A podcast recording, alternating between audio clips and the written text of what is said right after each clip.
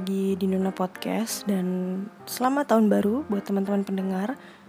It's good to be back karena sempat hiatus beberapa saat dan akhirnya boleh kembali publish episode terbaru di podcast ini.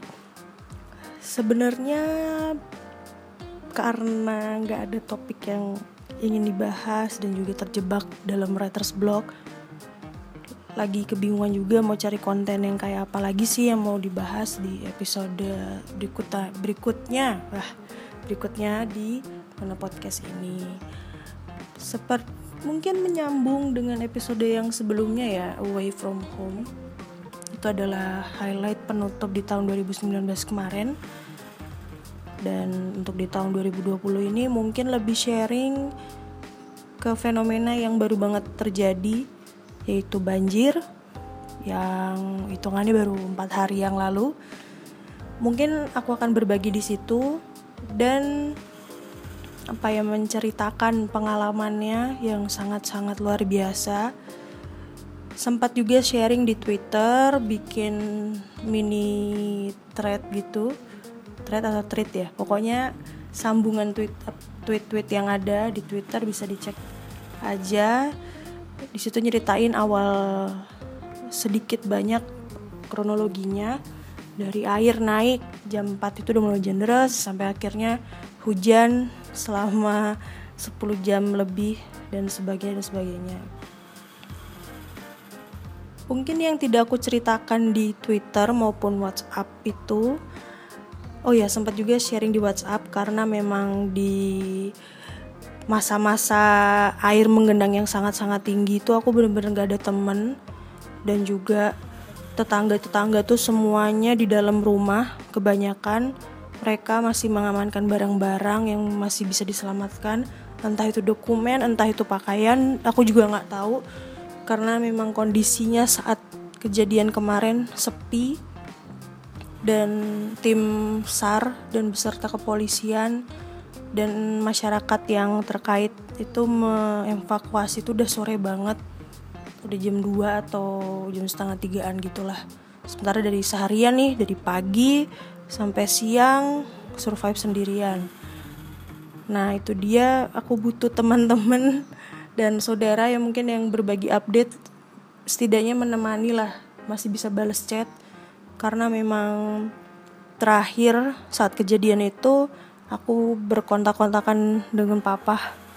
Itu aja udah dari jam 9.45 itu masih ada history chatnya. Setelah itu papa nggak ada kabar lagi. Aku bom chat gitu kan papa di mana? Tolong tolong tolong gitu kan. Akhirnya banyak banget chatnya di telepon juga nggak diangkat. Dan ternyata papa juga cerita kalau doi juga baru dari kerjaannya nih dia berusaha ke titik kejadian yaitu adalah komplek ini yang tempat aku tinggalin ini dan kemudian dia naik pagar-pagar tetangga gitulah pohon entah apa pokoknya dia berusaha gimana caranya biar bisa sampai ke rumah gitu. Akhirnya kurang lebih jam satu atau setengah dua gitu baru manggil namaku nona nona. Wah aku langsung apa apa sedangkan aku tuh udah ada di tiang pembatas rumah. Kalian juga bisa lihat fotonya nih masih ada di twitter. Ada di tweet yang karena dari keinginan makanan yang bisa diselamatkan hanya kerupuk bawang 3 biji no water. Dengan sia-sia tenaga manjat ke pembatas rumah. Sesekali berdiri liatin di sekitar kali aja ada evakuasi ini foto diambil jam 12.30 nah ini nih di pembatas ini dan papas di seberang rumah pembatas dengan rumah tetangga yang satu lagi. Aduh udah rasanya udah kedinginan lemes lapar udah nggak karuan deh acak kadut mukanya udah nggak karuan rambutnya basah jaketnya basah. Wah pokoknya sudah tidak terkondisikan lah. Itu yang terjadi saat siang harinya. Nah, pagi harinya yang dirasakan tentu saja panik karena banyak barang elektronik, barang punya papa semua dan bingung nih harus menyelamatkan yang mana, tapi yang intinya aku langsung kepikiran dokumen. Ini penting banget. dokumen-dokumen langsung aku taruh di atas lemari dan bersyukur banget lemarinya lebih tinggi dan tidak sampai selemari itu ketinggian airnya kemudian menyelamatkan alat-alat elektronik lainnya. Dan juga ada berkas kerjaan yang ternyata tidak bisa terselamatkan karena kecemplung karena itu ditaruh di atas kulkas dan airnya semakin tinggi semakin tinggi kulkasnya juga dengan masa jenis yang berbeda tidak bisa balance. Dan akhirnya terjadilah kulkas terguling dia benar-benar kulkasnya itu jatuh kecemplung lah itu makanan. Udah nggak ada makanan apa-apa hanya misalkan kerupuk tiga biji itu memang beneran. Kerupuk bawang hanya tiga aku makan tinggal aku bagi-bagi tuh aku bagi dua bagi dua bagi dua. Jadi itu ada sembilan. Eh kok sembilan sih? Ada enam. Bagi dua dibagi dibagi dua. Dan itu dimakan sesekali kalau memang udah lapar banget. Itu tidak mengurangi sih tapi setidaknya ada yang dikunyah lah gitu. Nah pengalaman survive di tengah banjir ini bener-bener luar biasa. Selain harus memakan kulkas yang tingginya dua kali dari aku nggak juga sih. Iya hampir 2 meter lah kulkasnya ini. Sekarang kulkasnya ini sudah berdiri tegak di sebelah. Tempat aku merekam podcast ini kulkasnya sudah tidak kenapa-napa bisa dipakai lagi dan juga TV yang sampai saat ini belum dinyalain karena merendam seperempat dari bagian TV itu dan juga lampunya korslet beberapa titik kayak di kamar mandi, kamarnya papa, dan ruang ini jemuran. Dia satu rangkaian listrik yang sama, jadi nggak bisa nyalain barengan. Kalau nyalain barengan nanti korslet pasti mati listriknya. Dan juga selama survive itu yang aku rasakan hanya takut. Karena benar-benar nggak ada seorang siapa-siapa. Dan panik ya karena ini adalah bencana pertama kali yang aku alami. Bener-bener langsung nih dari awalnya air itu masih jauh di kali tiba-tiba naik tiba-tiba naik dan akhirnya sampai sedada. Kalau kita keluar nih dari rumah udah keluar dari pagar itu ditinggal udah sedada. Kalau di dalam rumah itu sudah sepinggang sepinggang orang dewasa. Berarti sudah satu meter lebih kurang lebih ya satu meter. Nah itu dia yang menjadi hal yang bikin aku tidak trauma tapi jadinya takut ya melihat musibah banjir yang seluar biasa itu. Kenapa kali pertama? Sebenarnya kali pertama menghadapinya ya. Dan di Twitter ini mungkin menjabarkan apa yang di Twitter ya. Ini yang kali pertama sebenarnya sudah dua kali yang pertama itu adalah waktu aku masih kecil. Itu masih TK dan sekeluarga dulu masih tinggal di rumah ini. Aku, papaku dan adikku yang laki-laki sebelum adik perempuan aku lahir itu kejadian di tahun 2002. Itu dia mama lagi hamil sih adikku yang laki-laki nih nomor 2. Masih TK waktu itu itu tingginya sudah sepager ya sudah pagar rumah itu sudah tidak terlihat lagi wujudnya tapi yang ini lebih tinggi dan banyak yang bilang tetangga-tetangga juga dan orang-orang sekitar komplek ini yang paling parah karena curah hujannya tuh entah kenapa lebih deras gitu dan arusnya lebih nakutin jadi banyak warga juga yang akhirnya membandingkan dan bikin analisis sotoy-sotoy gitulah antara banjir 2002 dan banjir 2020 ini. Oke, kita lupakan itu tapi memang rasanya kalau sampai sekarang kayak apa ya? Kalau diinget-inget dan lihat dokumentasinya tuh masih takut aja gitu. Karena uh, itu udah air naik cepat banget dan tidak sampai satu jam jadi per jam setiap satu jam itu aku bikin update nih lebih banyak update di WhatsApp status karena banyak keluarga dan saudara yang sebenarnya udah nggak sempat lagi untuk balesin chatnya mereka satu-satu akhirnya aku putusin udahlah lihat update-nya aja gitu sesekali aku balas tapi yang aku prioritaskan untuk bisa berinteraksi langsung hanya papa, mama, dan ada sepupu yang domisilinya juga masih di Jakarta juga bertukar informasi gitu. In case kalau misalnya memohon juga ada evakuasi karena udah berapa jam setelah air naik tuh belum ada juga tanda-tanda tim SAR atau apa pun.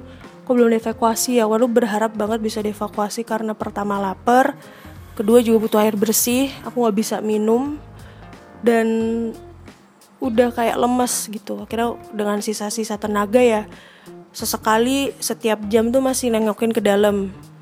Gimana ya barangnya gimana barangnya ya? Karena kan kita nggak pernah tahu tahu-tahu kecemplung lah karena air udah naik akhirnya beban beban yang menahan itu udah nggak bisa tetap stay di tempatnya.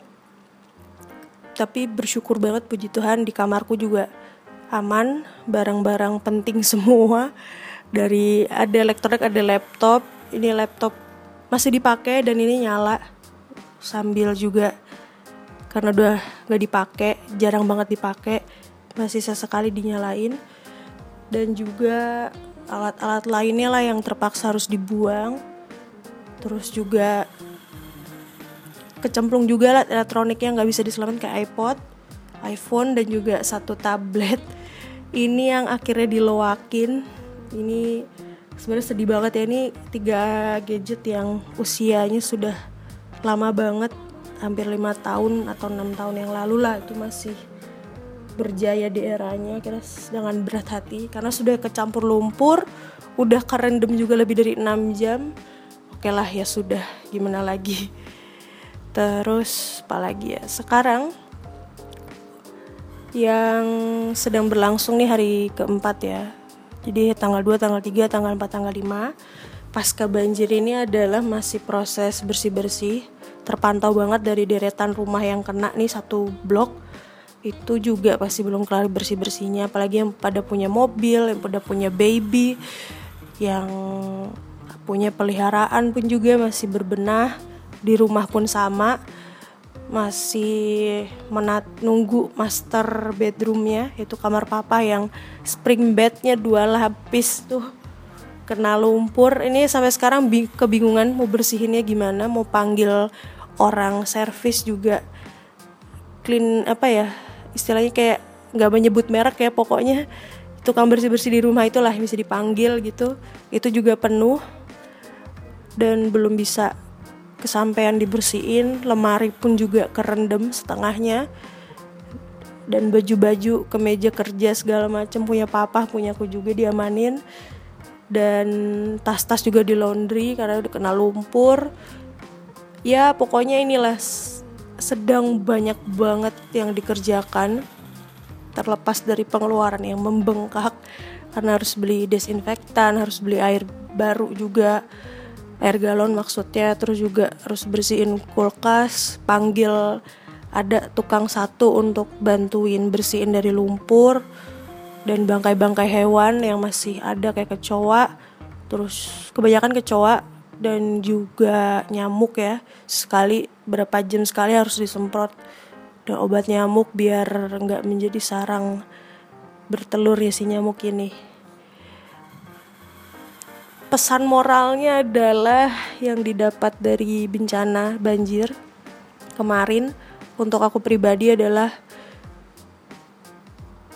jauh-jauh hari mungkin ya atau pasca banjir ini menyiapkan bener-bener pakai apa ya satu tas gitu. Aku pernah lihat di satu tweet mana gitu aku lagi cari juga sekarang kok nggak nemu? Itu ada artikel yang menjelaskan harus menyiapkan satu tas yang isinya emergency semua kayak kayak dokumen lah dokumen-dokumen penting kalau bisa ditaruh di tas itu. Ada baju bersih berapa potong ada alat mandi ada juga alat minum. Jadi satu ransel itu uh, bener-bener diamankan di tempat yang aman atau tempat yang lebih tinggi. Sewaktu-waktu entah ada bencana banjir ya apalagi di wilayah Jabodetabek ini rawan banget banjir itu sudah bisa tinggal di pack tinggal dibawa aja. Dan juga ada obat-obatan juga P3K dan lain-lain. Itu juga penting.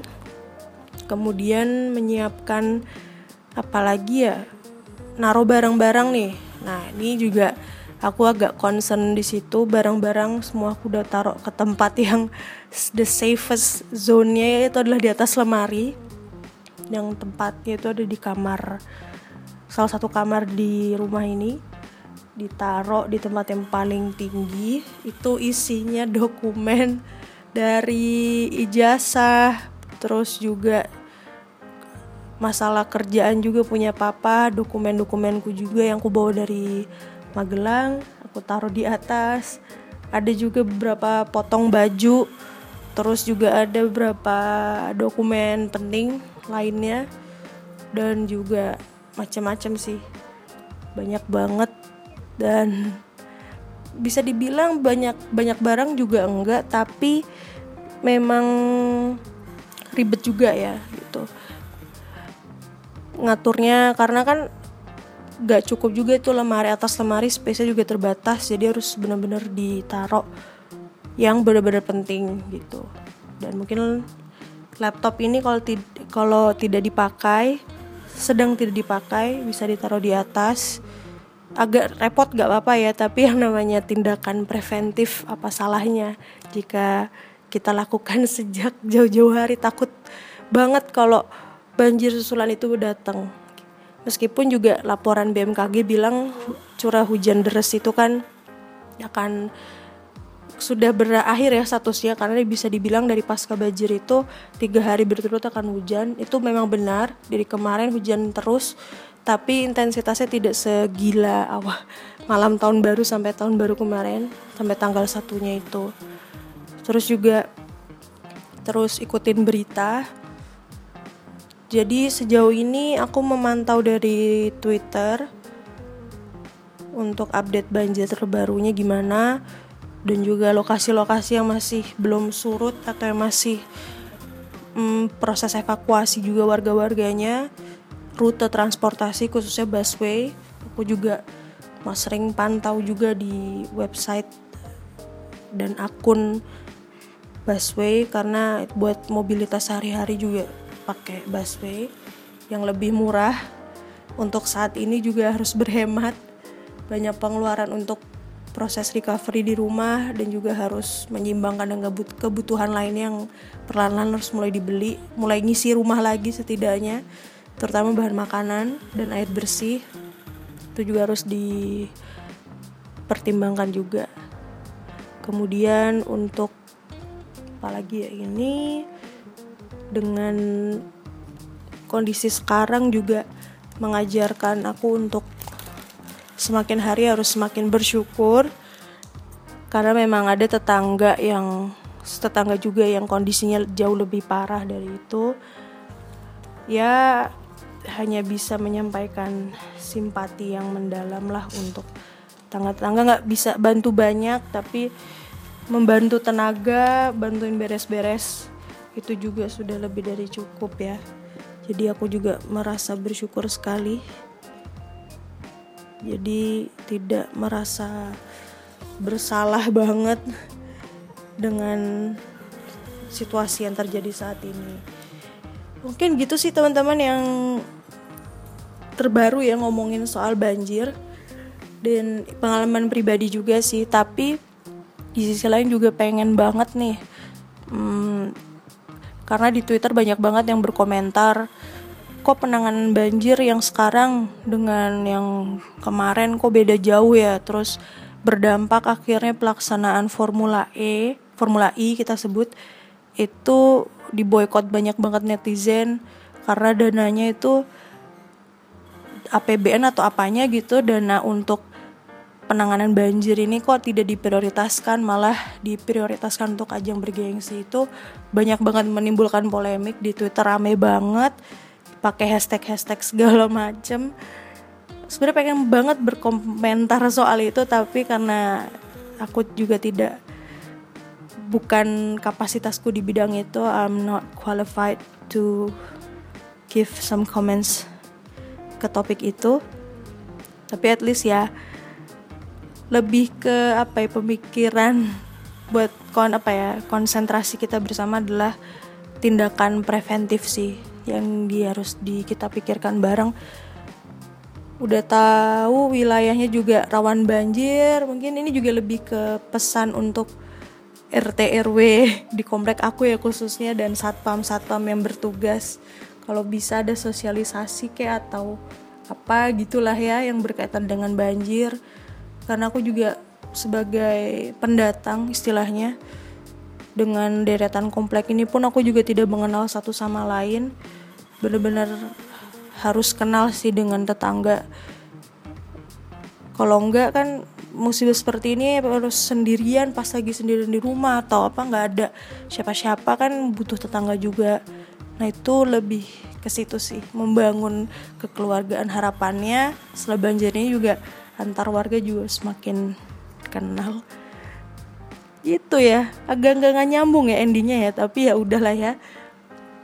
Kesimpulannya adalah dari episode inilah menceritakan uh, survive di tengah-tengah banjir, pesan moral yang diambil dalam banjir itu kayak apa dan sedikit tanggapan tentang dampak banjir ini yang sangat di highlight banget di sosmed maupun juga di berita-berita nasional kayak gitu. Terima kasih teman-teman udah mendengarkan podcast ini sampai habis. Kalian juga bisa dengerin episode sebelumnya di episode sebelum-sebelumnya. ya gimana sih? Pokoknya dengerin episode sebelumnya bagi kalian yang baru pertama kali mendengarkan podcast ini. Silahkan dicari-cari episode sebelumnya yang sekiranya kalian pengen dengerin. Ini kayak lagi bingung banget deh. Pokoknya gitulah ya. Terima kasih dan sampai jumpa di episode selanjutnya. Bye bye.